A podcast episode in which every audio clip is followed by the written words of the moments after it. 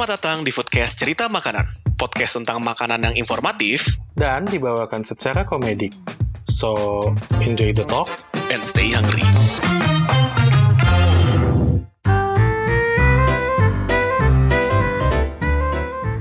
Kembali lagi di Foodcast Cerita Makanan bersama gue Zaki. Abi Brahma. Gimana Bram, Idul Adha kemarin? Oh, nggak ngapa-ngapain. Karena kita lagi PPKM, jadi gue Idul Adha tuh cuman bisa ngedenger takbir, Mm-mm. sholat sendiri di balkon. Kan eh, ceritanya biar di lapangan besar.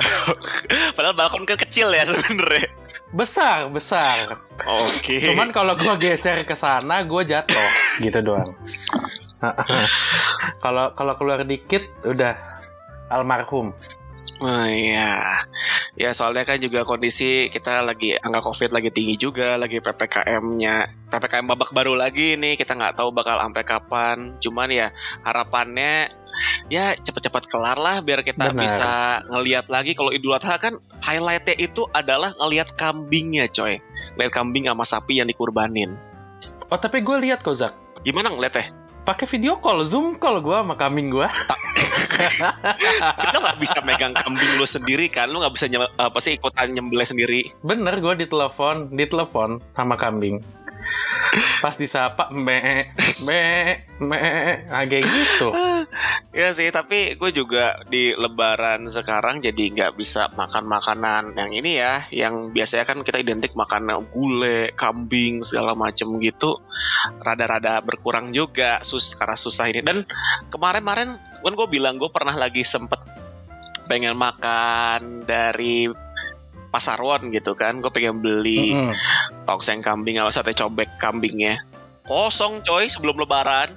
Oh karena biasanya penjual-penjual gitu tuh libur Zak. Iya betul. Karena mereka tuh tahu kalau deket-deket Lebaran itu harga daging tuh pasti naik dulu. Jadi nanti mereka seminggu setelah Lebaran haji ini turun lagi, baru jualan lagi. Iya. Karena kemarin tuh gue juga nyari-nyari pingin sop pakai kambing nih di sini ya, di di da- di daerah gue. Gak ada yang buka. Karena di rumah orang-orang lagi pada banyak daging kambing. Nah iya, dan memang di beberapa tempat kita itu kan eh, dari pemerintah kita ada di tempat potong hewan kurban ya. Jadi akhirnya eh, beberapa orang kan ada yang dapat undangan karena beberapa teman gua ada yang bisa ke tempat pemotongan hewan kurbannya. Tapi kemarin akhirnya gue dikirimin Apa tuh? eh, sama nyokap gua Hmm? ada gule. Wih, gila kan. Pokoknya gue tuh kan kangen tuh sama makanan-makanan kita ya kalau lagi lebaran haji. Memang dikasih jaraknya tuh dari eh, Idul Fitri ke Idul Adha tuh deket banget. Lumayan lah sebenarnya. Itu berapa bulan ya? Berapa bulan gak sih? Sebulan dua bulan lah. Dua bulan kan tuh. Hmm. Dalam waktu dua bulan kita tuh berperang lagi makan gulai. Jadi nyokap gua, nyokap gua kemarin kirimin pakai paksel. Ah, dia bekuin terus dia ngirimin ke gua ada gulai, ada rendang, ada opor, ada sambal goreng krecek. Ada. Aduh, gila deh.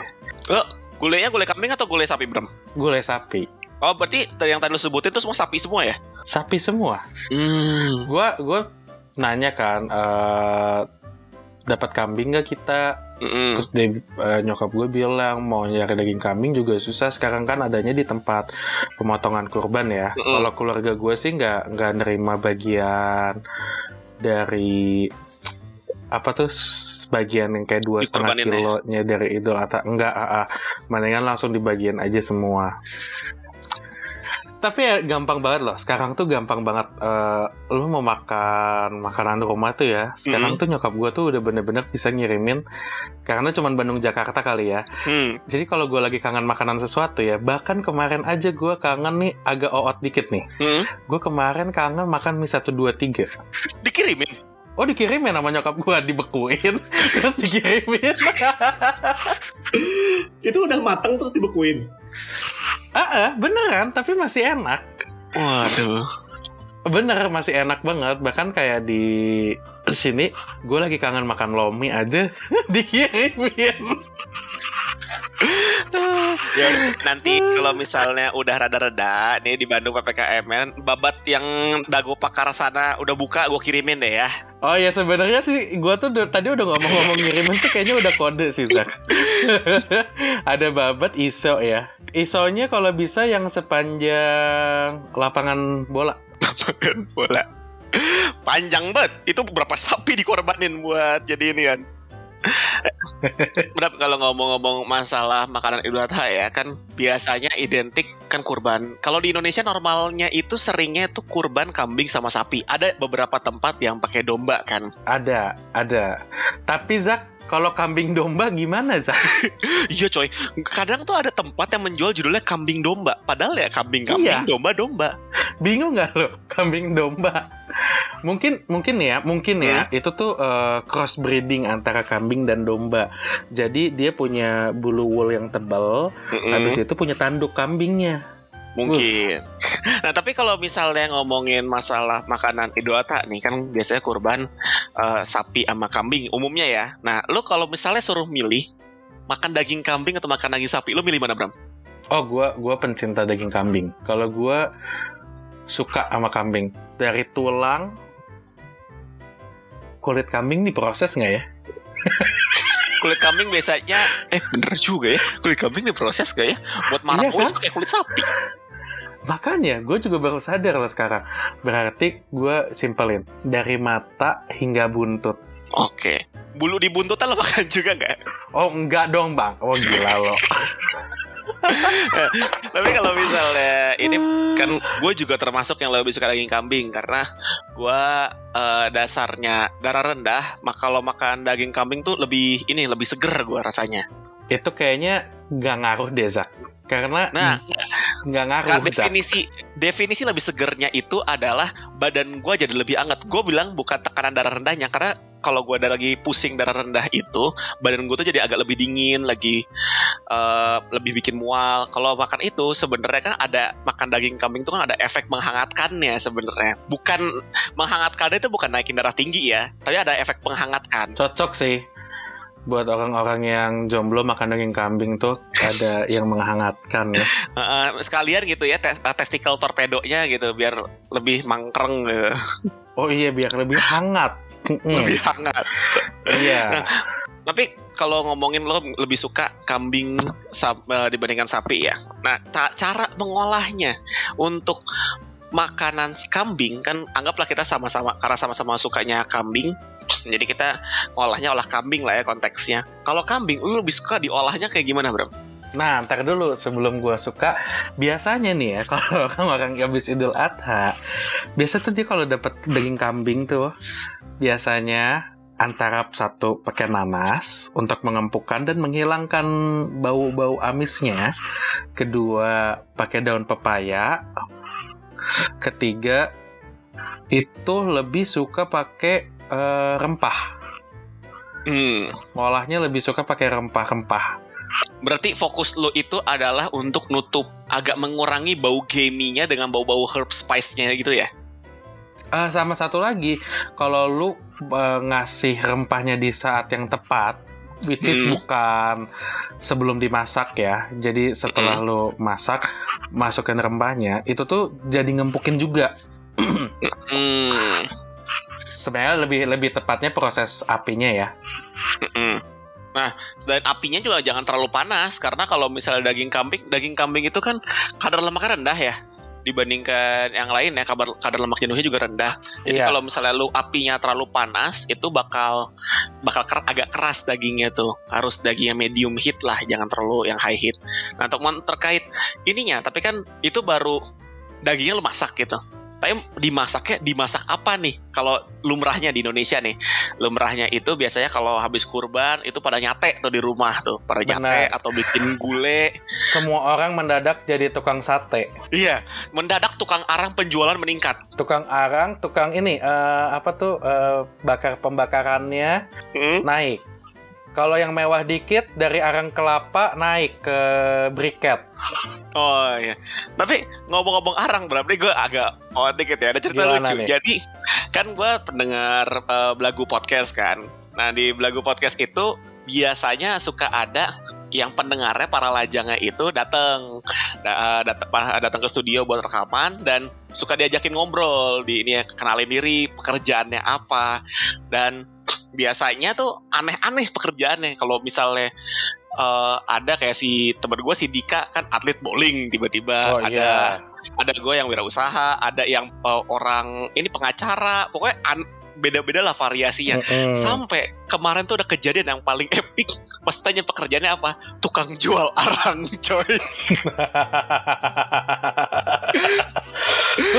karena, karena gini, biasa aja kayak waktu si Dika. Dika kan waktu eh, di Bandung dulu dia lagi jualan kelapa tart. Dan biasanya tuh memang yang para lajang yang ngomong dikasih kesempatan buat eh, misalnya dia punya usaha atau apa pun ngomong aja biar bisa dipromoin kali aja yang beli. Dan termasuk gua waktu gua jualan eh, kan gua lagi jualan Likin Bites juga nih jualan produk-produk snack-snack dari Raffin Snack. Ih, itu pas gua rapi promosiin. Rapi iklannya. Nah waktu gue pro- eh, promosiin di sana itu sampai beneran ada yang beli dan lumayan jauh loh, nggak usah dari Jawa Tengah, nggak salah gue ada yang beli lumayan banyak. Dan itu beneran sampai di story sama dia de- karena rekomendasi belagu Wih, ngeji- promosiin ini gua, eh, promosiin produk gue dia beneran beli tuh kaget gue tuh pas wah anjir berarti beneran nih itu podcast yang punya impact tuh kayak gitu. Beneran bisa promosiin pendengarnya sampai beneran beli. Nah sampai kemarin ada yang kan biasanya kan produk makanan kah atau apa kah ini ada jual arang. Itu mereka sampai bingung nih. Ini gimana promosiin nih tapi beneran waktu kemarin Idul Adha sebelum Idul Adha itu mama lagunya di up lagi. Di up lagi buat para lajang yang lagi mau bakar sate beli arang di sini. Padahal arangnya singet gue di ini deh di daya kolot deh kalau nggak salah yang jualan itu itu itu itu iklan paling absurd sih. absurd banget Iya, sih. itu ibaratnya tukang eh, produk yang ha- hanya ideal diiklankan setahun itu tiga kali pas lagi lebaran eh, pas lagi Haji. lebaran eh lebaran haji sama tahun baru Iya. sama mungkin liburan sekolah pas lagi barbekyuan keluarga Oh iya. momen-momen itu doang yang Biasa-biasa kayak gitu ya. Momen-momen itu doang tuh. Heeh. ya balik lagi lah sekarang kan kita ngomongin sate ya kalau tadi kan lu kadang sate sama gulai kalau lu tadi apa bro gue lupa Biasa nih kalau lagi lebaran haji sih kalau gue udah pasti keluar nih menu-menu andalan saat-saat lebaran. Kayaknya kurang lebih eh, kurang lebih sama ya sama Idul Fitri. Mm-mm. Biasanya yang menjadi pembeda itu adalah ada tambahannya gulai. Gulai kambing Nah, ya kadang-kadang gulai kambing kalau kita lagi Hmm. dapat daging kambingnya, kalau dapat lagi daging sapi ya kita bikinnya gulai sapi. Cuman kalau di gulu- keluarga gue tuh menerapkan zero waste. oke semua Iya. dipakai ya Eh, semua diolah. Jadi kalau hari H-nya kan udah bikin tuh sambal goreng krecek, opor. Biasanya tuh yang habis duluan tuh opor.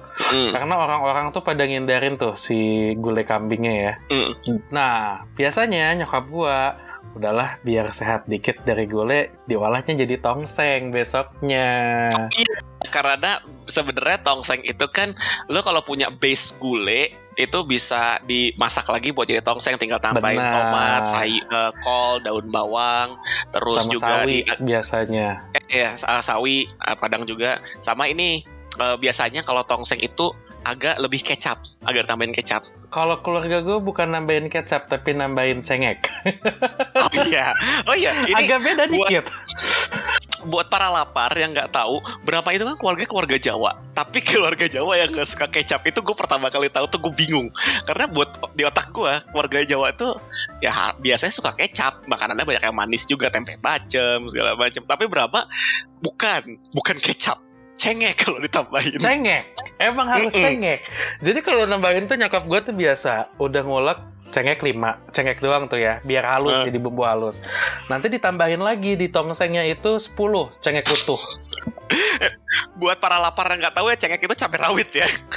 Oh iya eh, apa ya kalau di Jawa Barat bilangnya ada cabai domba Heeh. terus cabai merah pedas kalau di Jakarta Hmm. tuh gue baru taunya itu tuh cabai merah pedas Mm. Eh, kalau cengek tuh biasa orang taunya yang ijo oh iya iya nah kan kadang-kadang kita jadi jadi bahas cengek kan sekarang Ah, ah. Jadi cengek itu buah atau sayur.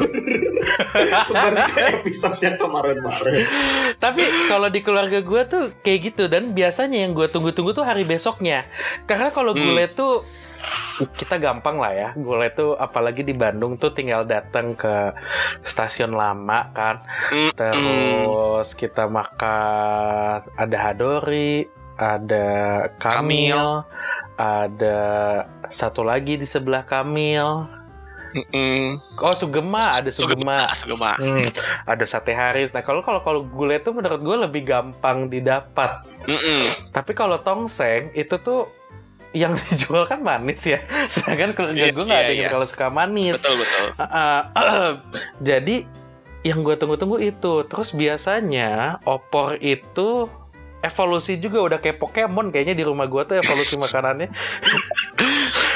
Biasa opor itu tuh akhirnya sama nyokap gue tuh kayak dioseng kering gitu daging-dagingnya Ah. disuirin.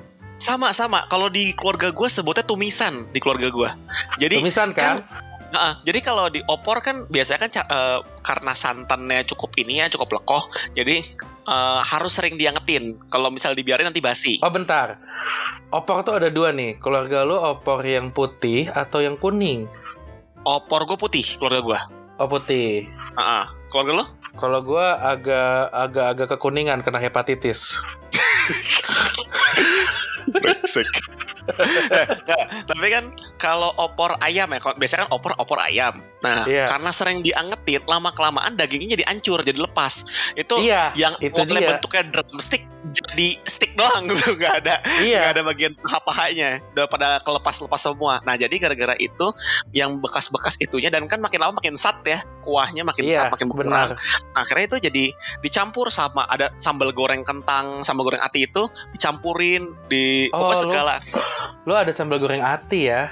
Heeh, yang sambal goreng kentang ati gitu sama pete nah jadi Aduh. hampir semua makanan-makanan yang ada itu sisa ditumisin lagi Oh kalau lu lagi, digabungin kering. ya? iya dicampur Oh, oh, kalau gua nggak terlalu suka tuh di keluarga gua kayaknya nyokap gua sih suka bikin kayak gitu Zak. Mhm. Ah, tapi kalau nyokap gua bikin kayak gitu langsung nggak laku di rumah gua. Ya, ya itu kan kalau di keluarga gua biasanya kayak gitu aja biar gampang gitu ngangetin semuanya. Kayaknya kita tuh prinsip-prinsip zero waste ya. Kita Oh tuh iya dong. Tidak, Iya. no no food left behind. no food left behind. Terus kalau di keluarga gua tuh udah kayak ini. You will never eat alone. Nah, kalau ada yang makan ikutan makan semua ya. Iya. Biasanya yang kesel tuh adalah di saat gua masak. Atau nyokap gua masak. Misalnya nih, nyokap gua kan biasa hari-hari H plus lebaran tuh. Kan Mm-mm. ada makanan sisa kan. Mhm. Nah, tapi kadang-kadang kita beda-beda ya. Kalau nyokap gue pengennya pedes banget. Gue Mm. kadang-kadang suka pingin kecap tuh bikin gue karamel lagi. Terus gue masukin ke tongseng. Jadi ada rasa-rasa eh, gosong-gosong smoky-smoky dari kecap kan. Hmm. Tapi dikit banget kecapnya. Terus biasa kalau udah kayak gitu, udah tuh. You will never eat alone and you will never cook for one. Iya. Yang padahal kalau kita masak tuh biasanya udah enak duluan. Jadi karena nyium baunya, udah ngicipinnya. Jadi biasanya kita nggak bakal nafsu, terlalu nafsu juga buat makannya. Mm-mm. Makanya paling enak tuh ya kalau lagi kita lagi pengen makan gulai ya udah paling bener ya contoh kita pergi ke Kamil gitu kan di belakang gulai kambing pakai sumsumnya aduh Astagfirullahalazim. masya Allah enak banget itu Aduh, aduh. Tapi bokap gua nih ya, Hmm? bokap gua pernah loh bikinin gulai Hmm? sekali, tapi eh, bukan bukan oh nggak pas lebaran.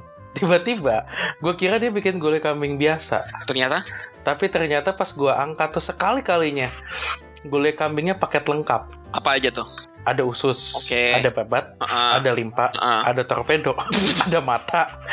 Gila, gue kaget banget kan.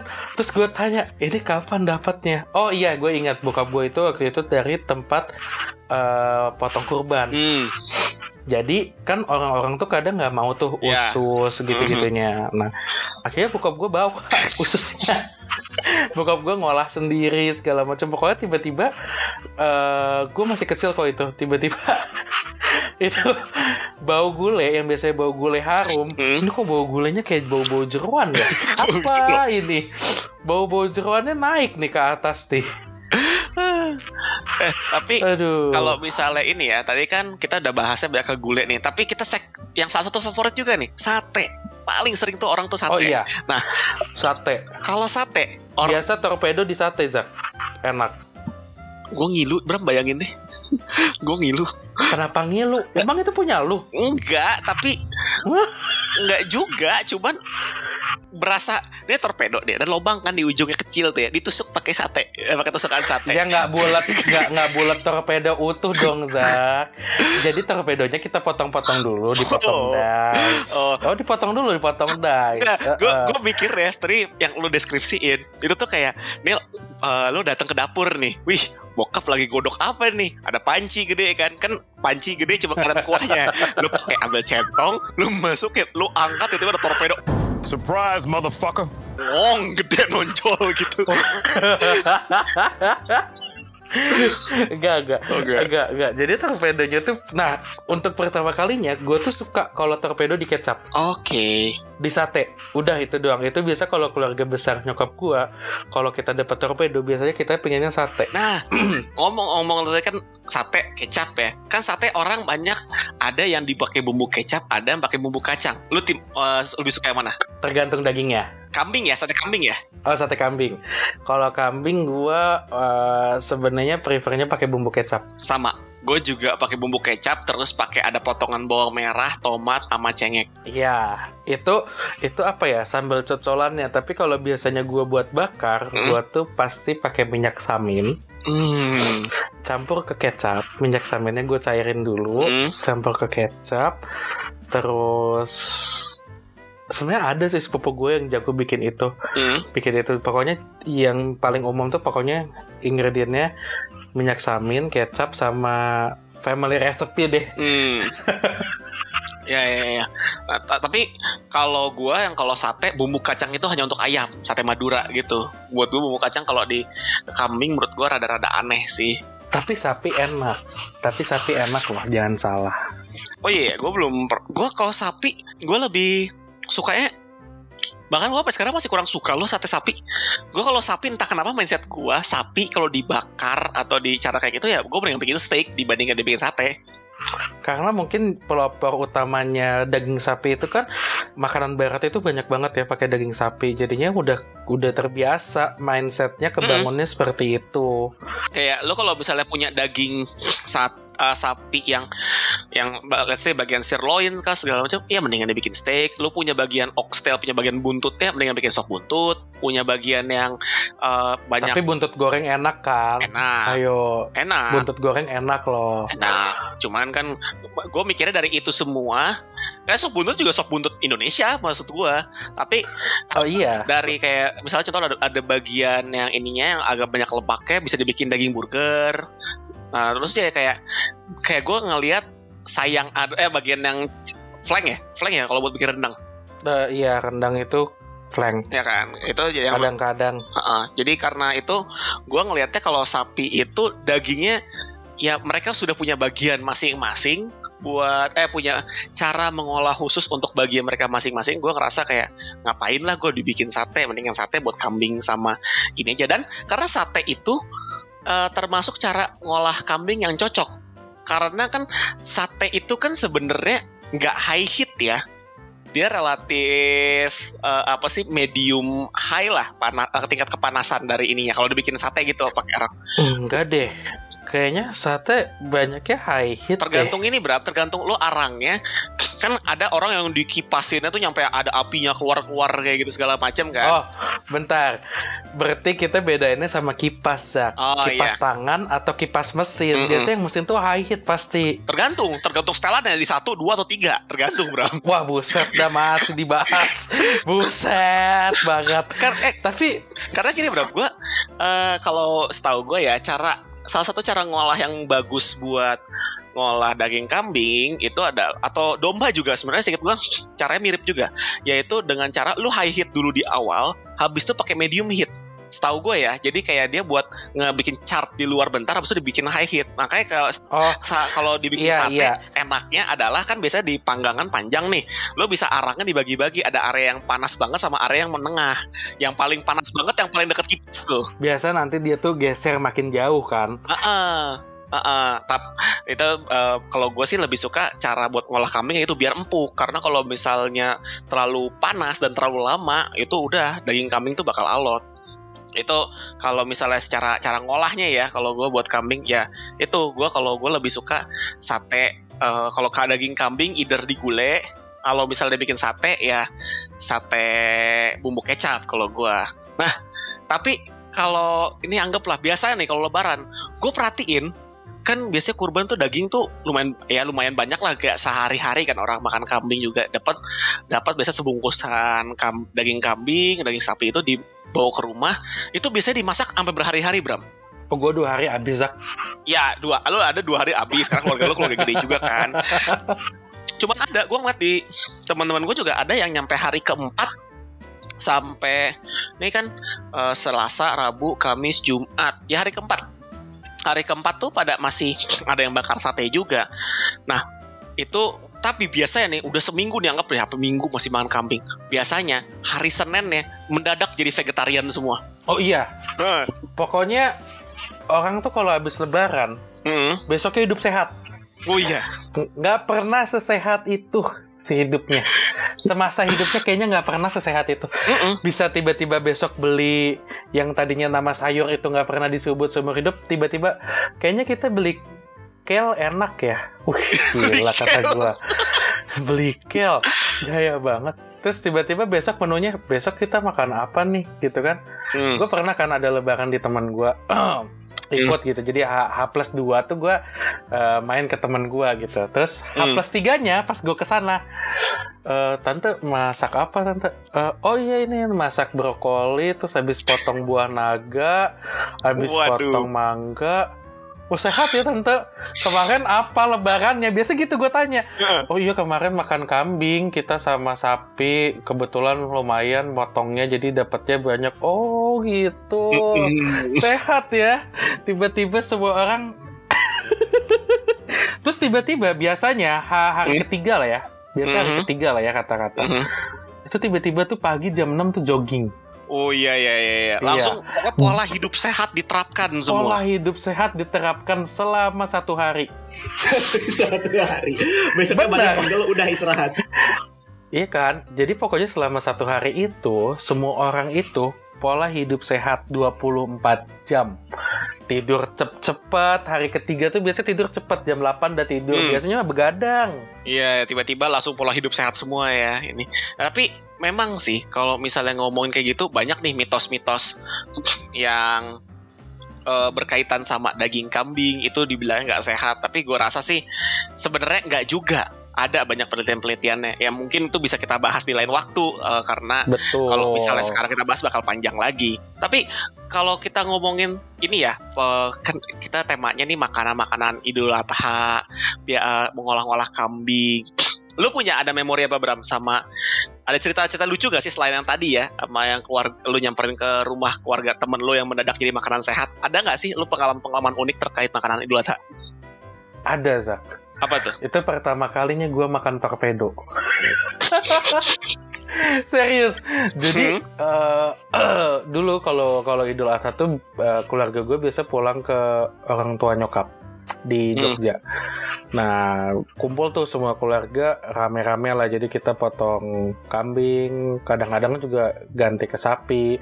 Tapi sebenarnya kalau keluarga gue lebih favoritnya ke kambing sih hmm. karena semua pada ngincer torpedo. Jadi kalau kalau kalau kakak sepupu gua ya, Hmm. dia tuh kadang-kadang suka ke tempat kurbannya. Jadi kan kita kurban lah ya, semuanya Iya. harus motong zaman dulu kan Hmm. dan sebagai macamnya itu.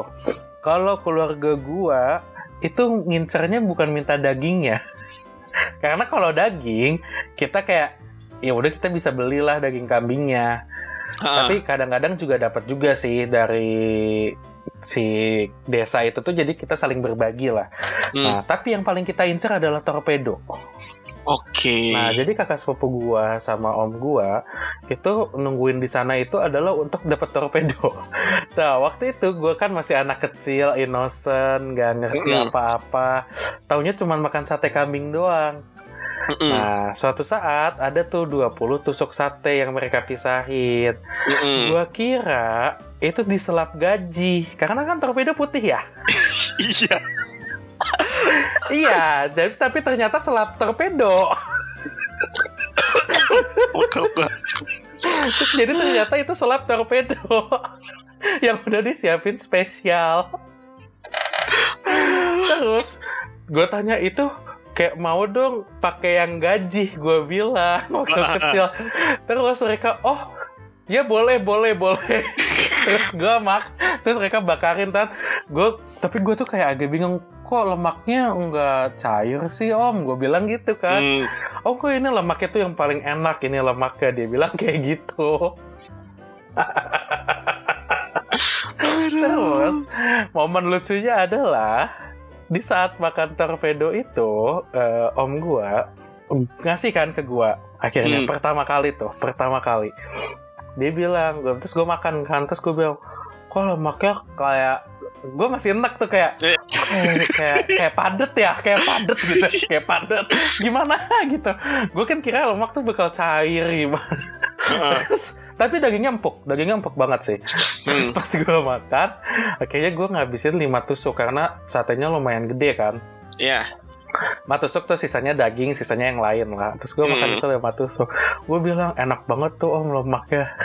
Terus tiba-tiba om gue bilang enak ya eh itu tuh torpedo terus gue masih nggak tahu itu torpedo tuh Ah, apa gue masih Oke. bilang oh namanya torpedo ya Be?" terus gue kan besoknya masih diikut masih ikut ke tempat potong kurban karena kan masih terus kan karena kan nggak Mm-mm. mungkin sehari beres nah Mm-mm. Habis itu, nih mau lihat nggak torpedo bagian mana om? Gue ajak biar gue tahu Oke. torpedo bagian mana. Akhirnya pas ke tukang potong sapi, gue ngeliat dong itu torpedo peler. gue nggak mau makan kambing seminggu. Terus yang rada gilanya adalah bener-bener gue diliatin waktu proses ngambil torpedonya terus gue nangis gue gue waktu masih kecil nangis terus diketawain sama keluarga gue terus ternyata ternyata Zak Hmm. itu torpedo nggak cuma di sate masuk juga ke gulai dan gue makan Aduh, itu gue nangis tuh sampai gue tuh sempat sempat sempat sampai takut bahkan eh, kambing karena gue ngeliatnya masih gele kan masih kecil Ah, tapi mulai lama kelamaan karena di di Bandung juga makan sop kaki bokap Hmm. gue juga kan suka tuh kalau ada torpedo terus bokap Hmm. akhirnya bokap gue juga kayak bilang enak tau torpedo tuh sebenarnya akhirnya gue makan tuh kayak Hmm. iya sih ya enak juga sih akhirnya ya udah sampai sampai sekarang tuh menurut gue itu malah jadi sesuatu yang spesial Special one. The special one Tapi gila sih Gila sih itu pertama kali gue makan torpedo Tai banget lah keluarga gue Tapi lu Lu kalau di keluarga tuh Zak Jadi tukang nyate atau yang makan? Nah, jadi kalau di gua nih ya, gua eh, biasanya di keluarga gua kalau gua lebaran haji itu adalah gua ke rumah om gua di Ciledug biasanya. Kalau di rumah om gua itu biasanya udah disediain makanannya, jadi gue tinggal makan aja. Sampai kejadiannya itu adalah waktu lebaran haji kapan ya? Gue lupa tahun kapan. Itu pas zaman gue kuliah, gak tau pas lagi S1 atau S2. Itu gue pernah lagi di rumah teman gue di Antapani.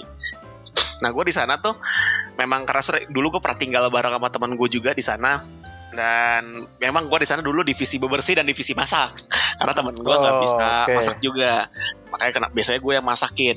Nah waktu itu dia itu dapat daging daging kambing dari kurban di warga situ. Dapat daging kambing. Terus dia bingung Zak ini mesti diapain nih? Dia nggak tahu cara ngolahnya gimana. Nah, kalau nggak salah deh, gue memori gue agak jumble, agak lupa juga waktu itu.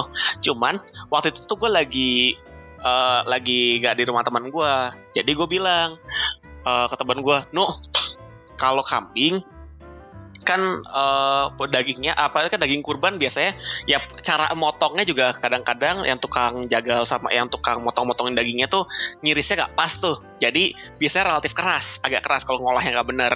Dan temen gue sen- agak sensitif juga sama bau-bau kambing. Jadi gue ngasih tahu no sambil ini ya udah nanti gue ke sana gue masakin.